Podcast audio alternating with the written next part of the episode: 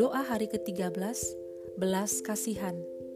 Ayat Alkitab, Kolose 3 ayat 12. Karena itu, sebagai orang-orang pilihan Allah yang dikuduskan dan dikasihinya, kenakanlah belas kasihan, kemurahan, kerendahan hati, kelemah lembutan, dan kesabaran.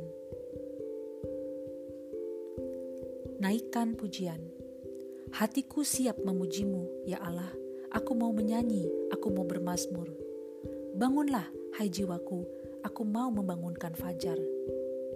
Aku mau bersyukur kepadamu di antara bangsa-bangsa ya Tuhan, dan aku mau bermasmur bagimu di antara suku-suku bangsa. Sebab kasih setiamu besar mengatasi langit, dan setiamu sampai ke awan-awan. Tinggikanlah dirimu mengatasi langit ya Allah, dan biarlah kemuliaanmu mengatasi seluruh bumi.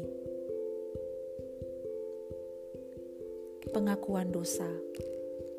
Ampunilah aku ya Tuhan, karena sering gagal menunjukkan belas kasihan kepada orang-orang di sekelilingku.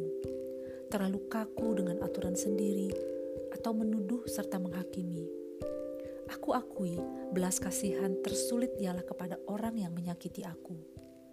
Pengampunanmu, ya Tuhan, membersihkan aku dan memperluas hatiku untuk mampu berbelas kasihan. naikkan doa ucapan syukur. Aku mengucap syukur Tuhan karena hatimu tergerak oleh belas kasihan atas aku dan anakku. Karena kami dulu tidak dikasihani tetapi sekarang beroleh belas kasihan.